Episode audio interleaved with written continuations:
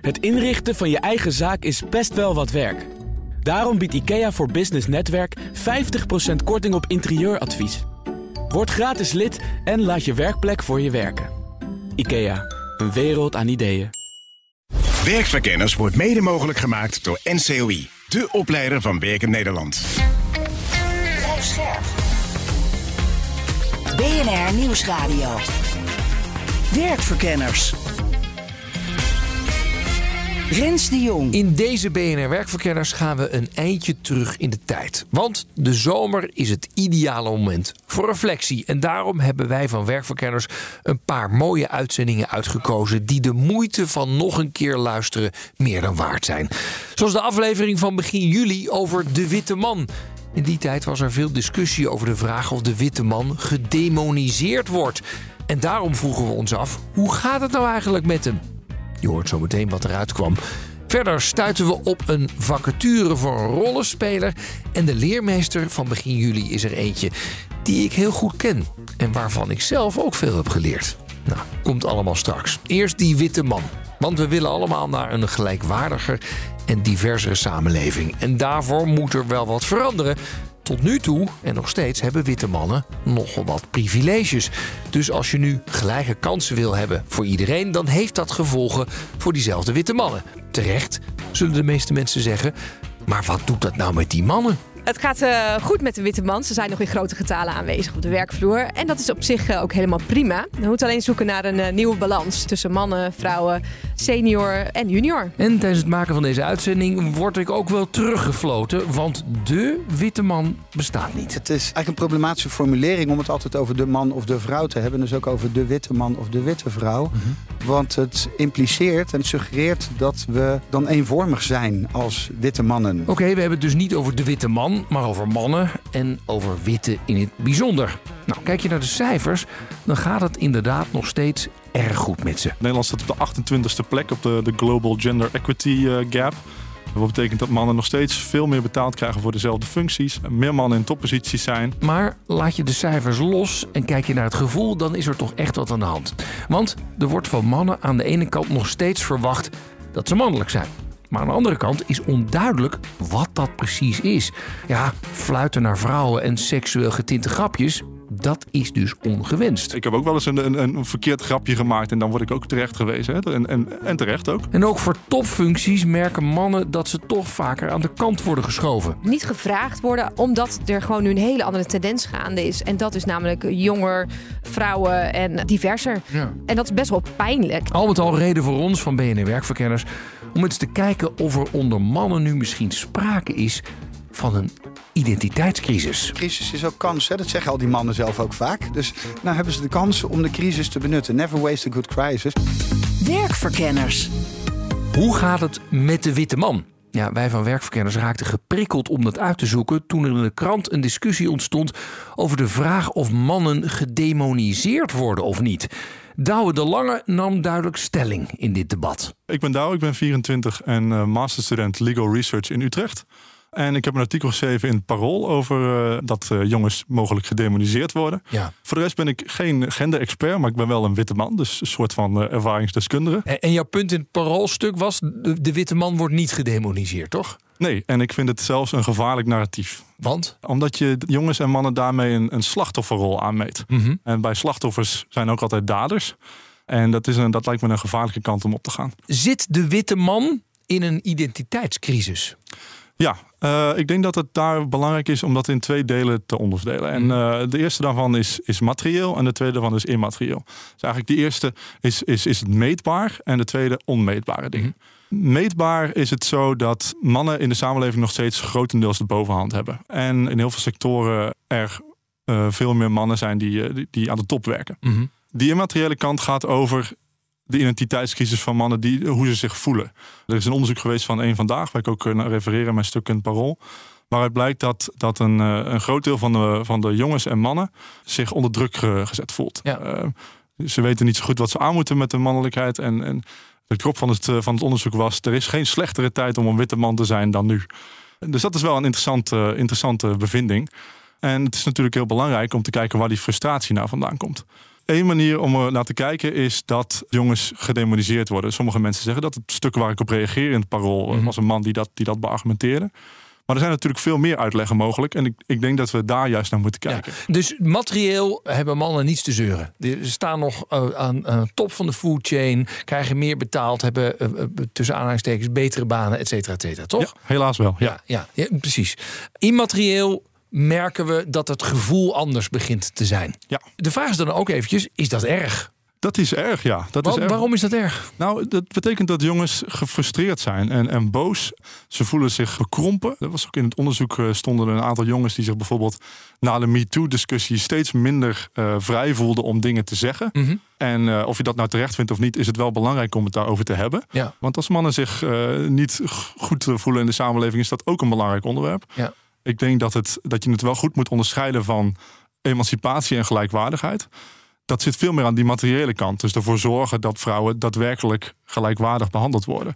Dat betekent niet dat die immateriële kant niet belangrijk is. Dus daar, moeten, we het, daar moeten we het zeker over hebben. Ja, je zou kunnen zeggen, nou ja, het, het feit dat je je wat eh, beknot, bekrompen, et cetera voelt, ja, dat, dat is ook wel logisch, want er is een omslag gaande. Live with it. Absoluut. Nee, Ja. ja. dat, de- in zekere zin is dat zo. Maar dat betekent niet dat je het daar maar bij moet laten, denk Mhm. ik. In het eh, artikel waar ik op reageerde in het Parool sprak de auteur van de keerzijde van emancipatie. En ik denk dat dat een hele foute verwoording is. Mhm. Omdat je daarmee doet alsof er een slechte kant is aan een gelijkwaardige samenleving. Ik denk wel dat je kunt spreken van gevolgen van emancipatie. We hebben natuurlijk een samenleving die in de afgelopen jaren rap gelijkwaardiger is geworden. Nog steeds niet helemaal gelijkwaardig is, maar wel steeds meer wordt. En daar zijn gevolgen aan. Eh, jongens die merken dat. Die merken dat ze steeds meer worden uitgedaagd ook door de samenleving. Bijvoorbeeld als het gaat om die MeToo-discussies. Maar ook over eh, grapjes over vrouwen bijvoorbeeld. Seksueel getinte opmerkingen. En eh, ja, ze krijgen steeds meer weerwoord. Ja. Dat is in principe niet erg. Maar ze moeten daar wel iets mee kunnen, die jongens.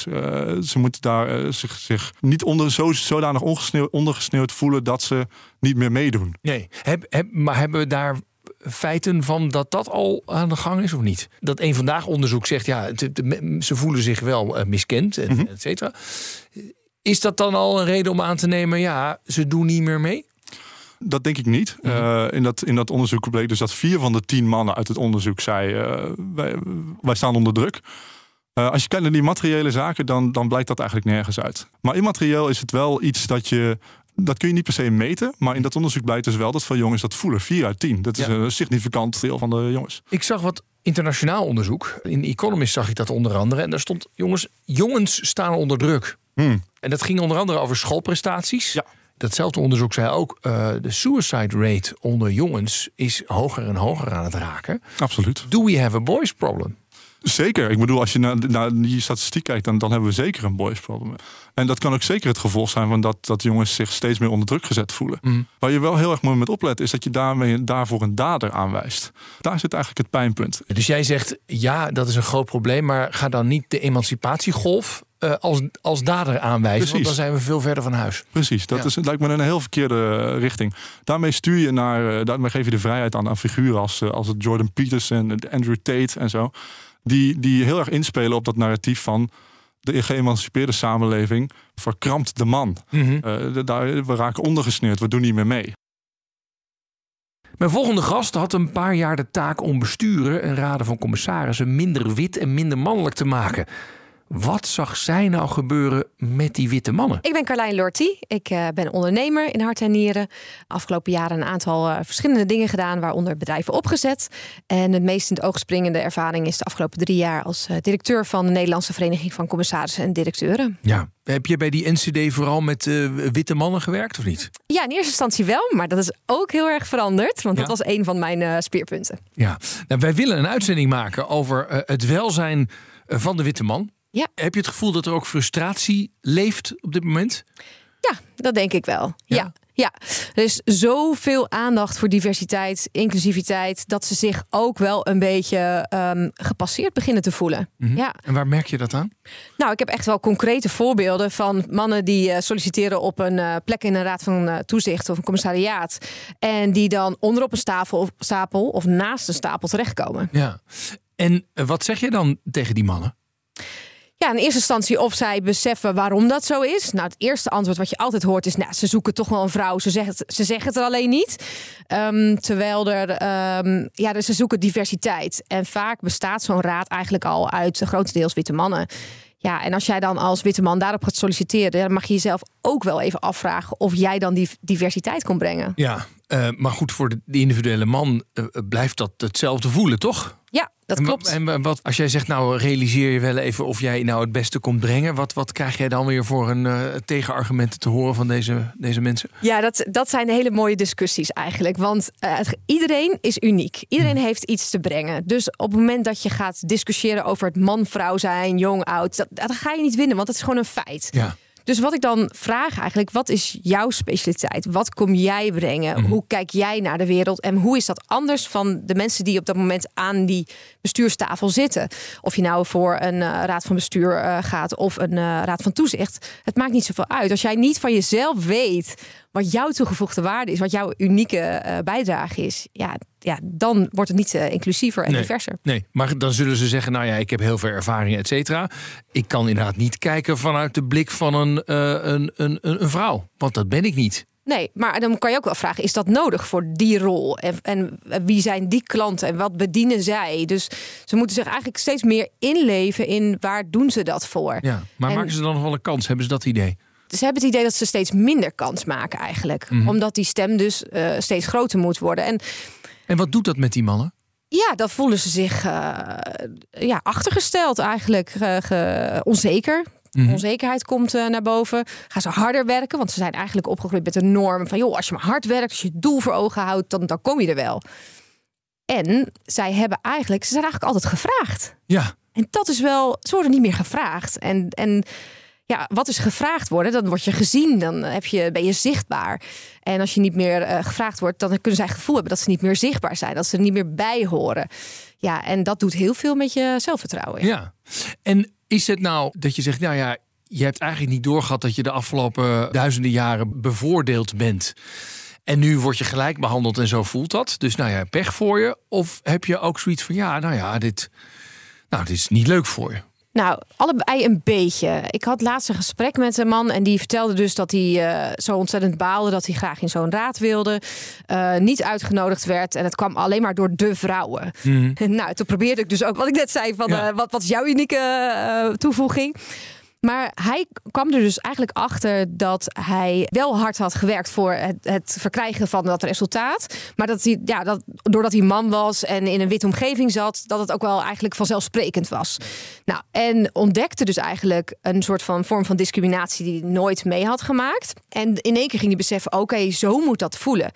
En als er dus een man zich echt openstelt met zijn hart en niet alleen met zijn hoofd probeert te redeneren waarom zoiets er is, dan zie je in één keer dat er een bepaalde vorm van empathie komt. En deze man in kwestie, die stond ik echt mee te praten en die voelde in één keer wat discriminatie was. Ja. Die kreeg de tranen in zijn ogen en zegt: ja, maar ik ga het hier met mijn maten, met mijn vrienden over hebben.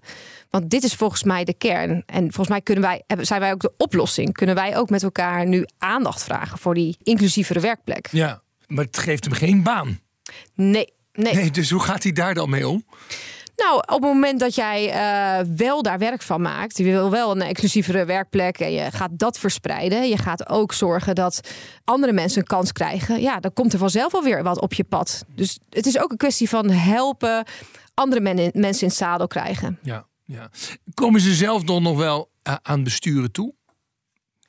Dat ligt, eruit van, ligt eraan vanuit welke positie dat eh, gedaan wordt.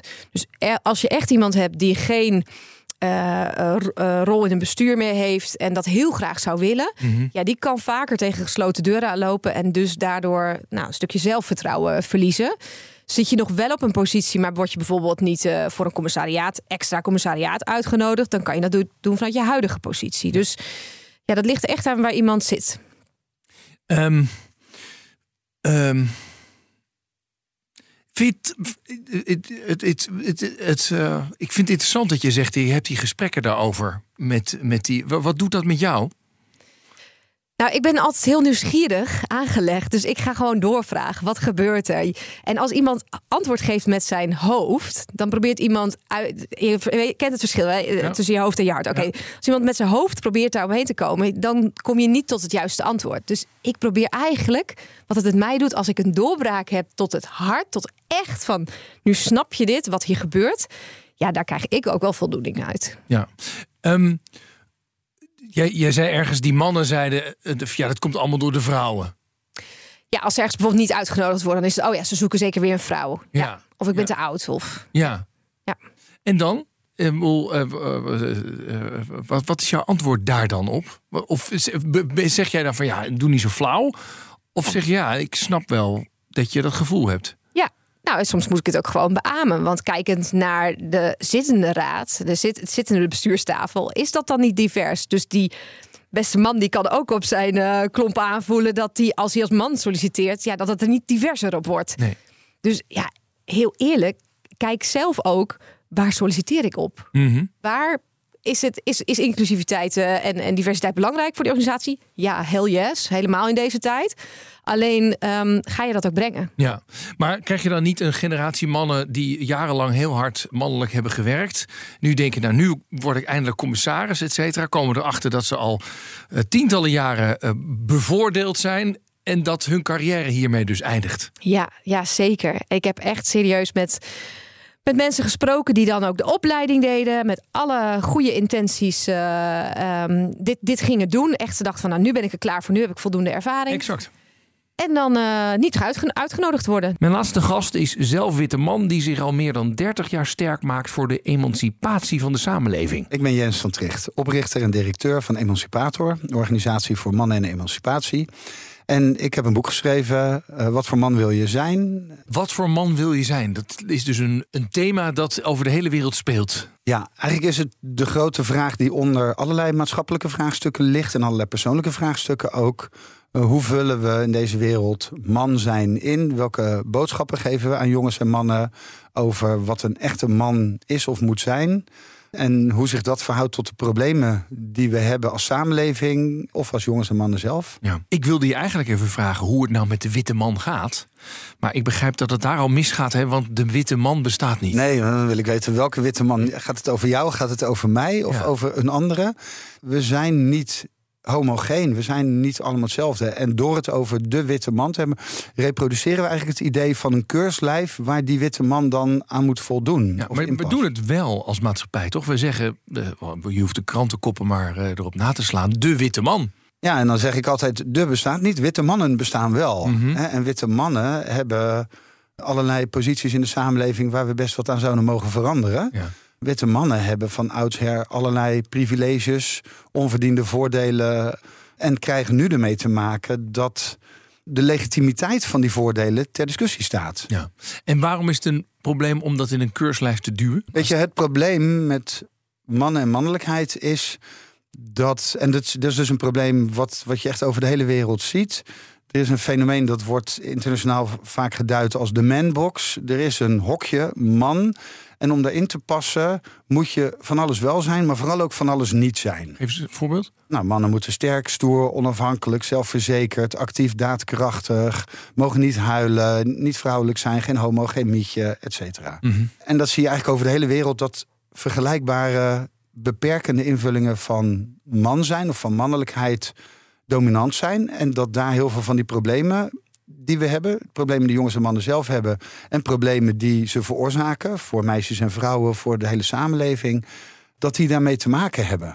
Hè, want als je alleen maar sterk en stoer en daadkrachtig mag zijn, maar dus niet lief, zorgzaam, invoelend, onzeker, kwetsbaar, dan mis je heel belangrijke eigenschappen die je nodig hebt om als een normaal mens te functioneren en sociale interactie te hebben. Dus als wij het willen hebben over de positie van andere mensen op eh, de arbeidsmarkt, dus sowieso in de, de maatschappij, dan de witte man, dan moeten we het ook juist ook over de witte man hebben. We moeten het over witte mannen hebben. Ja. Niet over de witte man. We moeten het over Ja, witte mannen. nee, want juist Ja. in die veelzijdigheid, weet je, er zijn arme en rijke witte mannen, er zijn homoseksuele en heteroseksuele witte mannen, er zijn witte mannen die zeven vinkjes hebben en er zijn witte mannen die misschien maar één vinkje hebben, om die metafoor van Joris Luijendijk erbij te halen. Er is wel iets aan de hand, hè? want de discussie over de vraag of mannen nu gedemoniseerd worden of, of niet, we hebben de kranten er wel even op nageslagen, wordt nou, behoorlijk emotioneel gevoerd. Aan de andere kant zien we ook nog, jongens hebben het eh, moeilijk op school. Eh, ik zag ook wat Amerikaans onderzoek dat er de suicide rate onder jonge jongens ook hoog aan het worden is.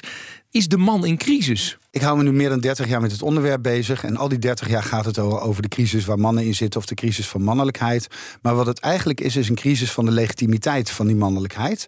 Het is een crisis die duidelijk maakt dat de traditionele ouderwetse rollen en posities en invullingen van man en mannelijkheid niet meer houdbaar zijn. Die staan op gespannen voet met de idealen die we als samenleving hebben geformuleerd van gelijkwaardigheid, rechtvaardigheid, eh, veiligheid. Ja. Maar staat ook op gespannen voet met de geleefde werkelijkheid van jongens en mannen. Want we zijn uiteindelijk veel meer dan alleen dat hokje wat ons voorschrijft, die manbox, wat ons voorschrijft wat we wel en niet mogen zijn.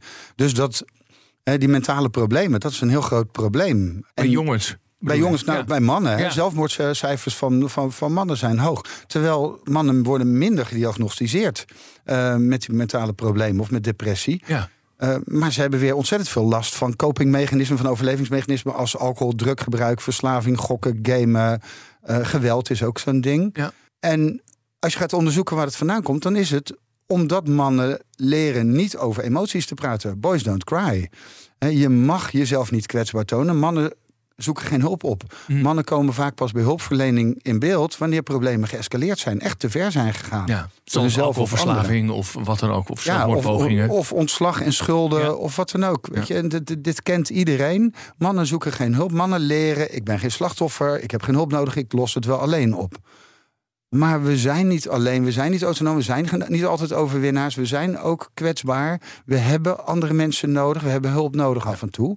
Dus dat we dat mannen ontzeggen, dat heeft reële consequenties in bijvoorbeeld zelfmoordcijfers. Je zegt het al, hè? we streven naar een gelijkere wereld. En dat voelen mannen dus ook. Is dan die gelijke behandeling, voelen zij als onderdrukking? Omdat het opeens. Ja, Nou ja, dat, dat, dat heb ik niet zo bedacht, maar dat is eh, ook vanuit feminisme en ook vanuit feministische mannen voor mij al vaker gezegd en aangeduid. Ja, als je eigenlijk opgegroeid bent met de vanzelfsprekendheid van een voorkeursbehandeling. Mannen maken al eeuwenlang gebruik van eigenlijk eh, positieve discriminatie voor mannen.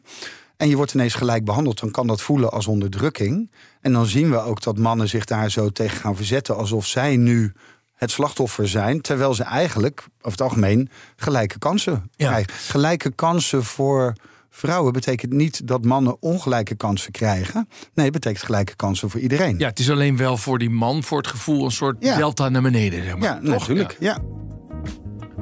Straks de spagaat van mannen die aan de verwachtingen van mannelijkheid moeten voldoen en tegelijkertijd ruimte moeten maken voor anderen om te komen tot een diversere en inclusievere werkvloer en samenleving. Ja, hoe gaan we met deze spagaat om? Dat zoeken we zo meteen uit. Maar nu eerst werk voor een rollenspeler. De vacature. Iedere week speuren wij het web af op zoek naar bijzondere of opvallende vacatures. En deze keer viel ons oog op een baan als rollenspeler bij HR-adviesbureau Beljon Westerterp. Ik ben benieuwd, daar moet je dan geen podiumvrees voor hebben. Maar wat moet ik eigenlijk doen daar? Daar gaan we eens even over bellen met Janneke Hoving. En zij werkt samen met die rollenspelers. Janneke Hoving, Beljan Westerterp. Dag Janneke met Rens de Jong van BNR.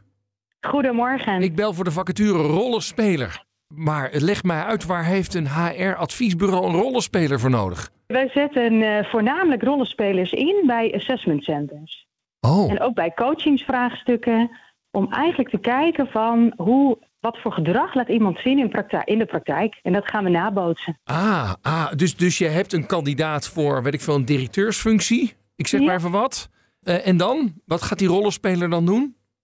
Die rollenspeler, die, eh, van tevoren krijgt hij een opdracht mee. Bijvoorbeeld een gesprek met een medewerker. Of een gesprek met de raad van bestuur. Of een gesprek met een collega. En dan heb je dus een, een tegenspeler nodig die dat dan helemaal even internaliseert, die rol. Juist. Nou ja, dat is wel het allerbelangrijkste. Je moet snel je kunnen inleven.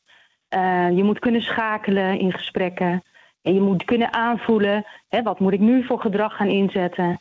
Dus ja, je moet gewoon vooral heel mensgericht zijn. Ja, en wat voor een iemand zoek je dan eh, al- als rollenspeler? Want ik zat even de vacature te kijken. Er staat niet, eh, je moet een toneelschool hebben gedaan. nee, liever ook niet. We willen het zo realistisch mogelijk houden. Ja.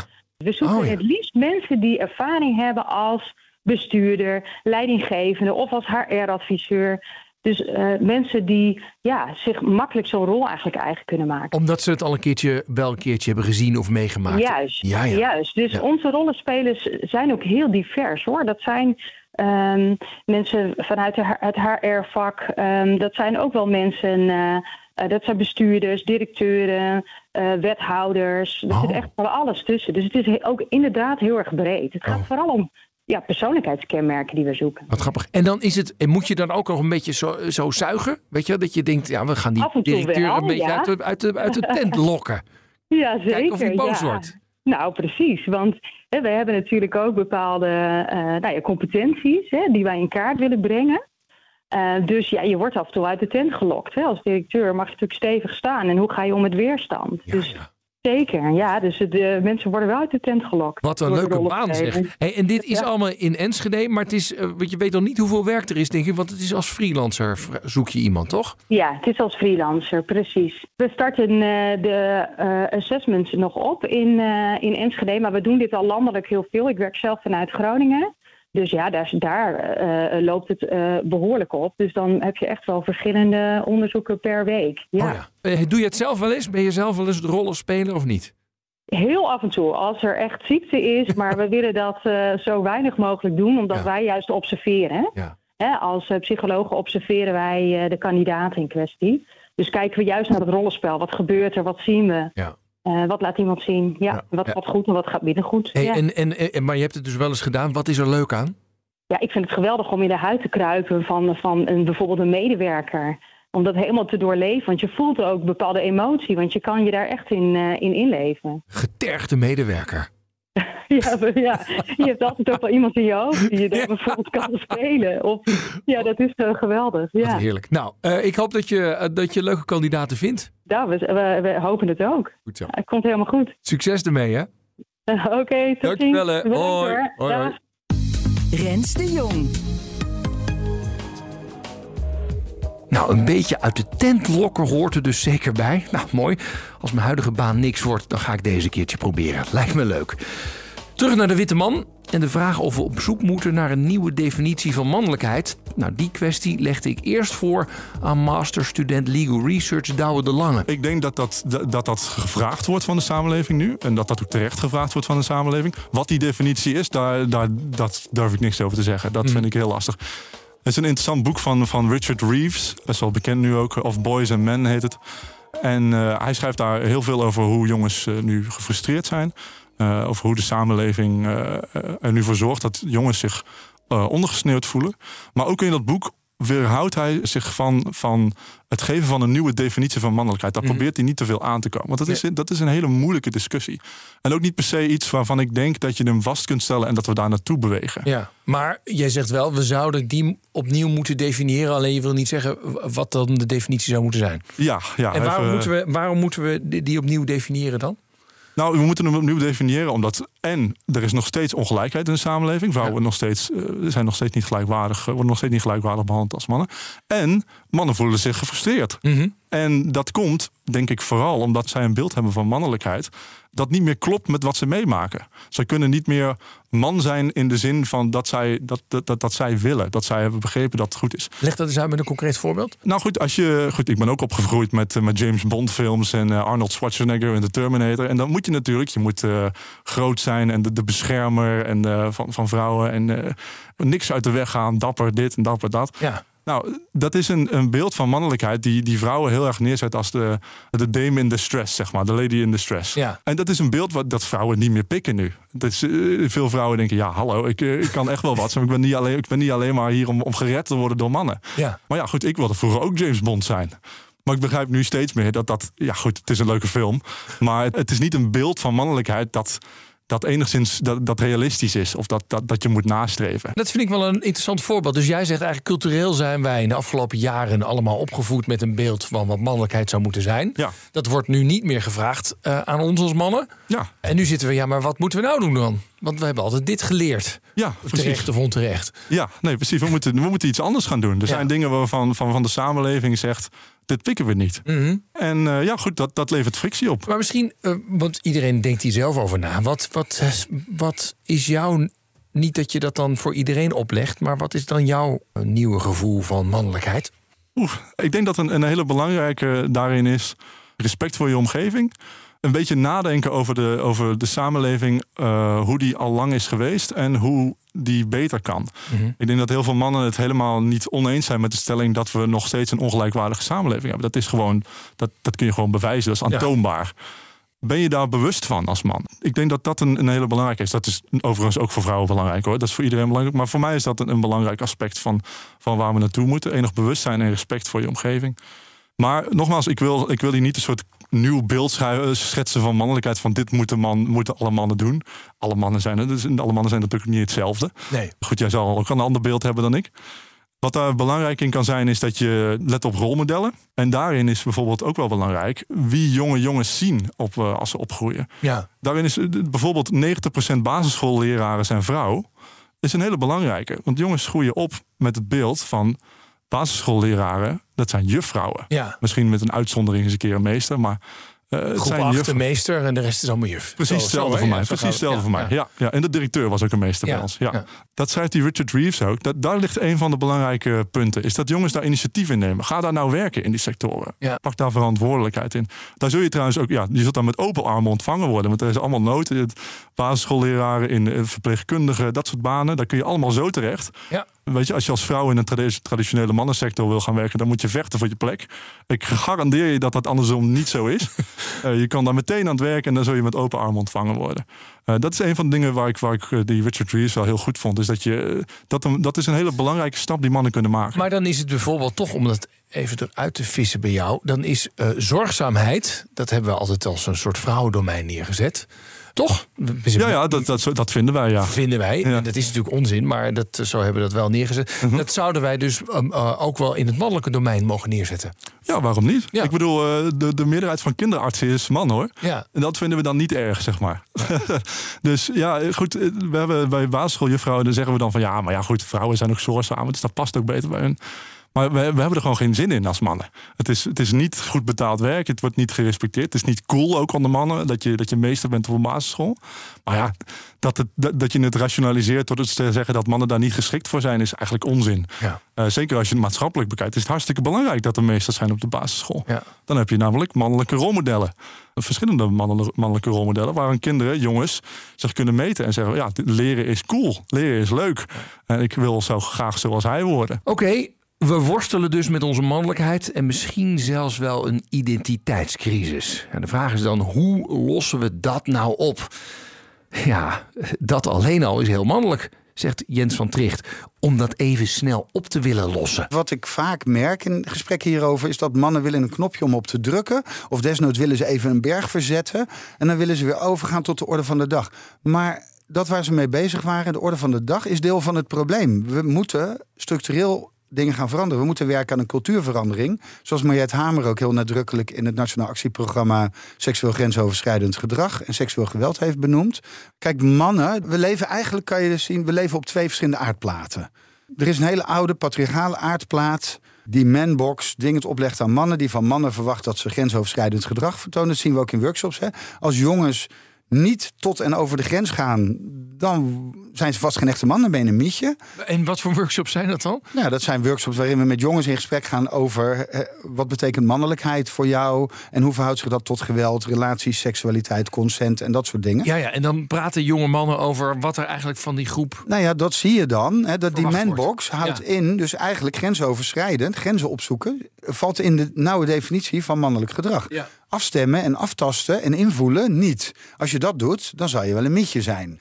Dus je moet eigenlijk tot de grens en net er wat overheen om te bewijzen dat je een man bent. Zo leren we dat jonge mannen in de Ja, maar cultuur zo nu. leren we dat volwassen mannen ook nog Ja. steeds aan. Hè? Kom, neem er nog één. Eh, nee, eh, zit je thuis onder de plaksteek. Je bent geen echte man. Je zal wel een mietje zijn. Is er iets mis met jou? En dan gaat het alleen maar over nog een biertje nemen. Ik bedoel, de verhalen van mannen over seksistische plaatjes en grapjes in appgroepen... eh, leiden tot hetzelfde. Als je daar iets van zegt, dan spoor je ook niet. Dus we hebben een patriarchale aardplaat... waar mannen doen wat er van hun verwacht wordt in het patriarchaat... En we hebben een moderne, geëmancipeerde aardplaat. We hebben eigenlijk diezelfde witte mannen gecreëerd. Met al hun verlichtingsidealen, vrijheid, gelijkheid, broederschap, et cetera. Vrouwen zijn daar enthousiast allemaal opgesprongen van... ha, dit is onze kans. Een deel van de mannen is daar ook opgesprongen. En een heel groot deel mannen staat in een spagaat. Ja. Want als je ze individueel spreekt, en dat is echt interessant... en dat blijkt ook uit onderzoek...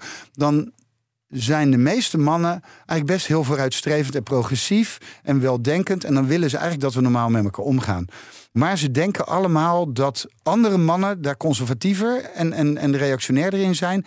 En dat ze zich dus daaraan aan moeten passen in het gedrag met die mannen. Dus je ziet die aardplaten over elkaar schuiven en erupties geven van allerlei ongemak en problemen en escalaties. Want iemand als Mark Overmars, die zegt zes jaar na MeToo...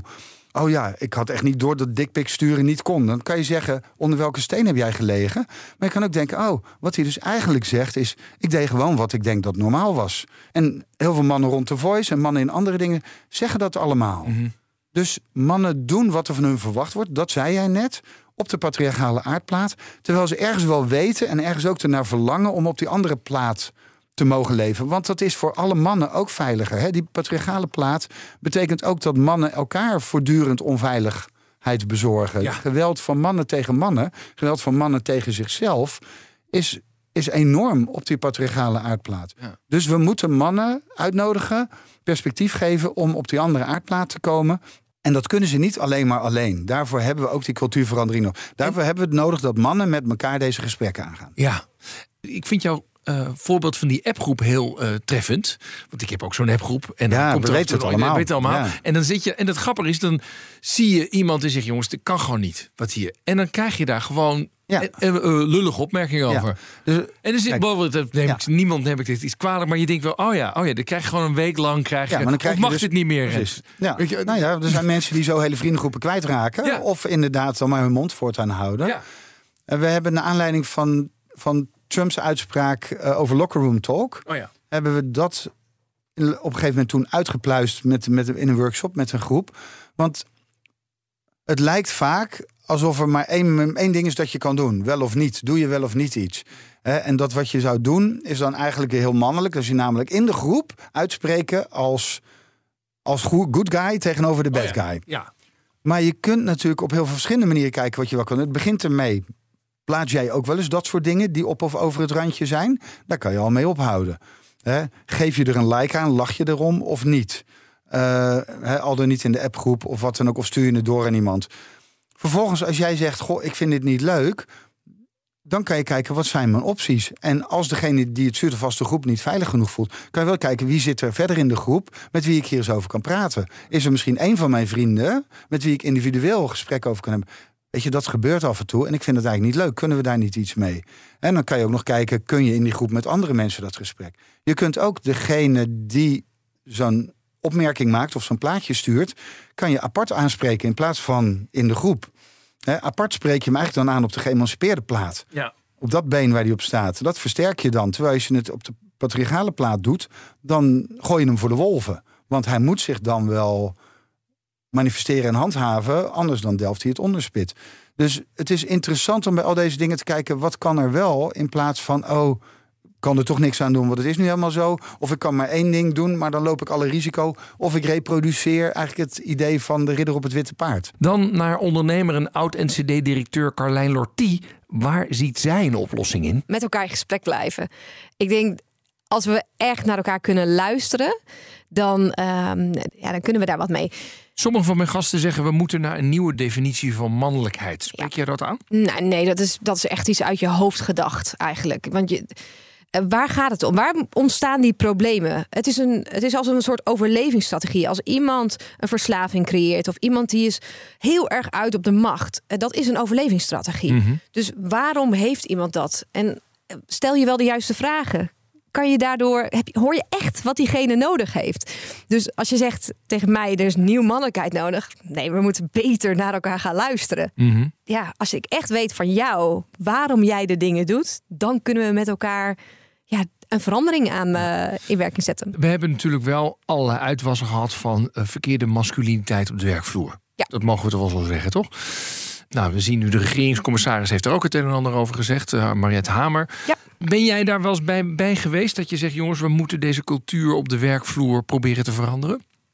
Ja, zeker. En volgens mij, en daar bedoel je mee ook dat eh, de, de grappen die ma- mannen kunnen maken. Voilà. Hè? Even, dat, Ja. de- dus even de roze olifant benoemen. Is, is, dat is, vinden ze wel het allermoeilijkste. Dat ze eigenlijk op een hele joviale manier, net zoals met hun vrienden, met hun de, de vrouwen op de werkenvloer willen omgaan. Ja.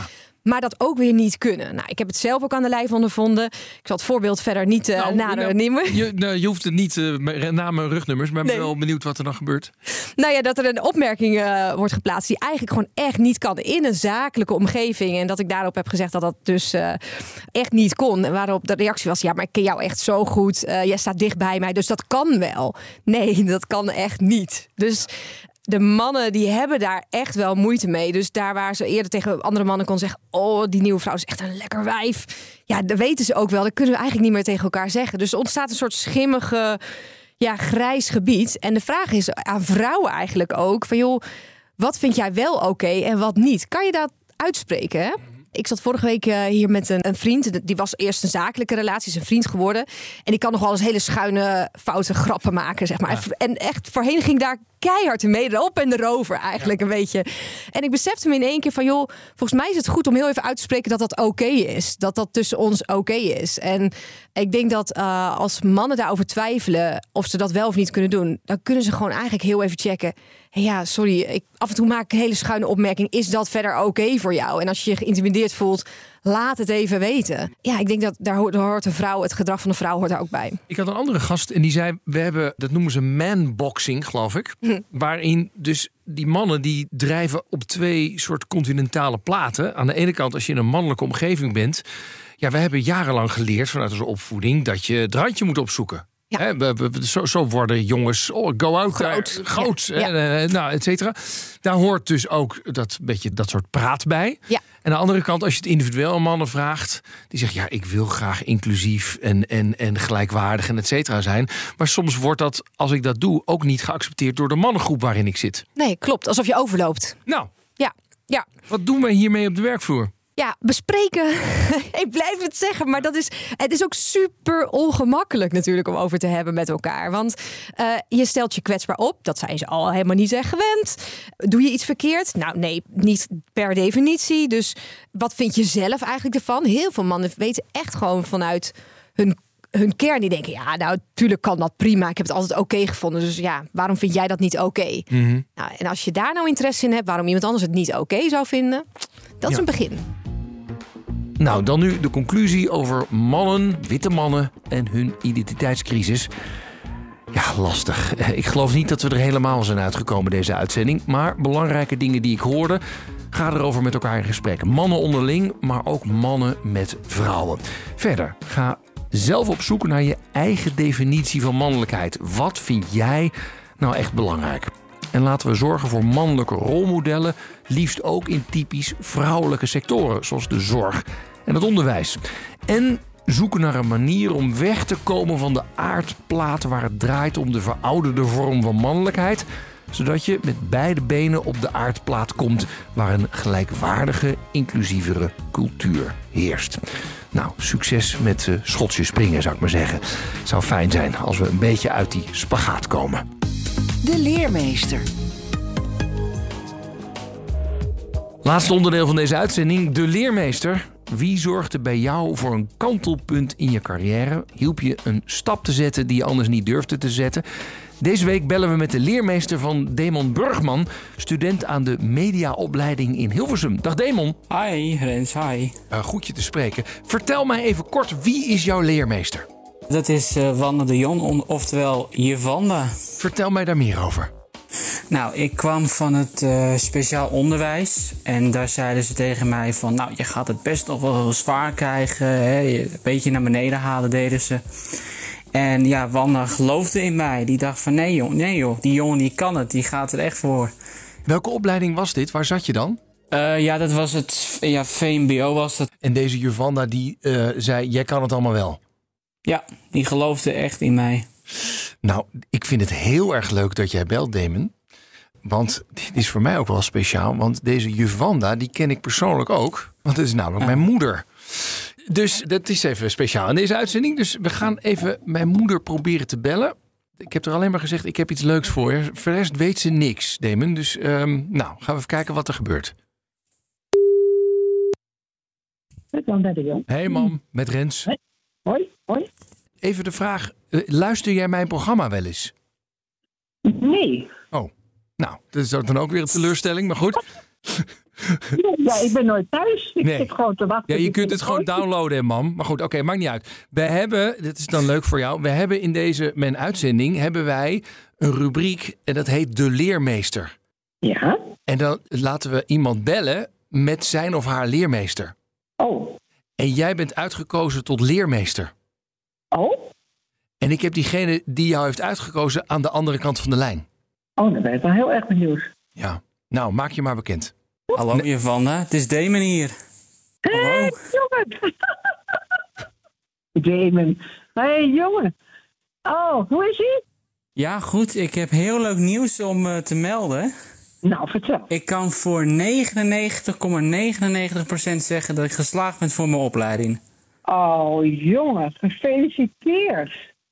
Wat heerlijk. Wat heerlijk. Het is je allemaal gelukt. Ja, want ja. Uh, uh, Wanda, uh, ik, ik, begrijp net van Damon dat jij wel iets in hem zag, terwijl anderen dat niet zagen.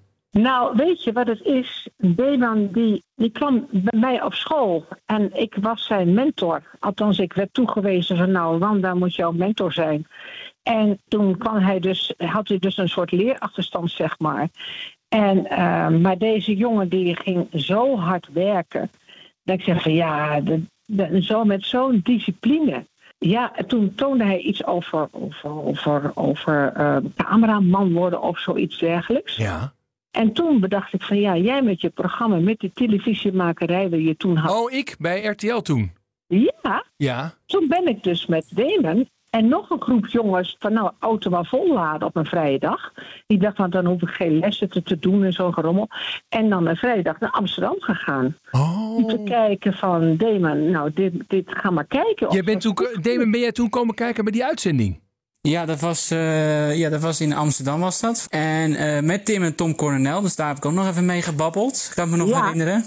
Ja. En, met die, ja. En, ja, en met een cameraman. Ik, kan, ik weet niet wat precies zijn naam was, maar ik kan me nog wel herinneren dat ik echt achter die camera stond. Ja, en dat was wel echt het moment voor mij dat het echt bevestigd werd. Oké, okay, dit wil ik echt laten worden. En dus nou, daar heeft Wanda me echt mee geholpen. Oh, en nou ben je het ook echt daadwerkelijk aan het worden. Je hebt de opleiding 99% klaar. Ja.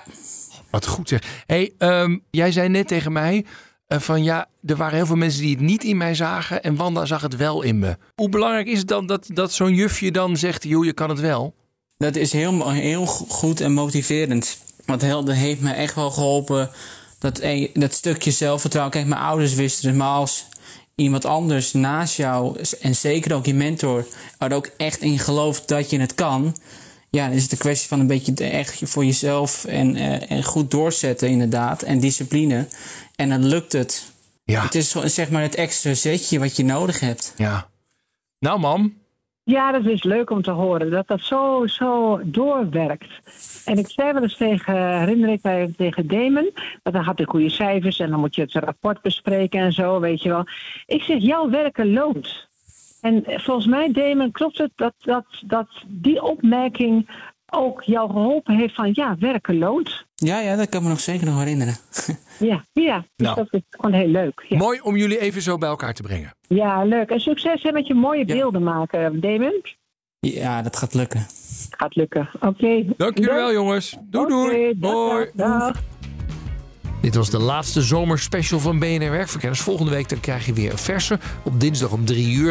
En natuurlijk in je podcast-app kun je alle zes de zomerspecials op ieder moment terugluisteren. Graag tot de volgende keer. Dag. Werkverkenners wordt mede mogelijk gemaakt door NCOI. De opleider van Werken Nederland. Een kleine update maakt een wereld van verschil.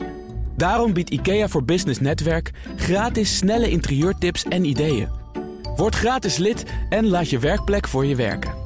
IKEA, een wereld aan ideeën.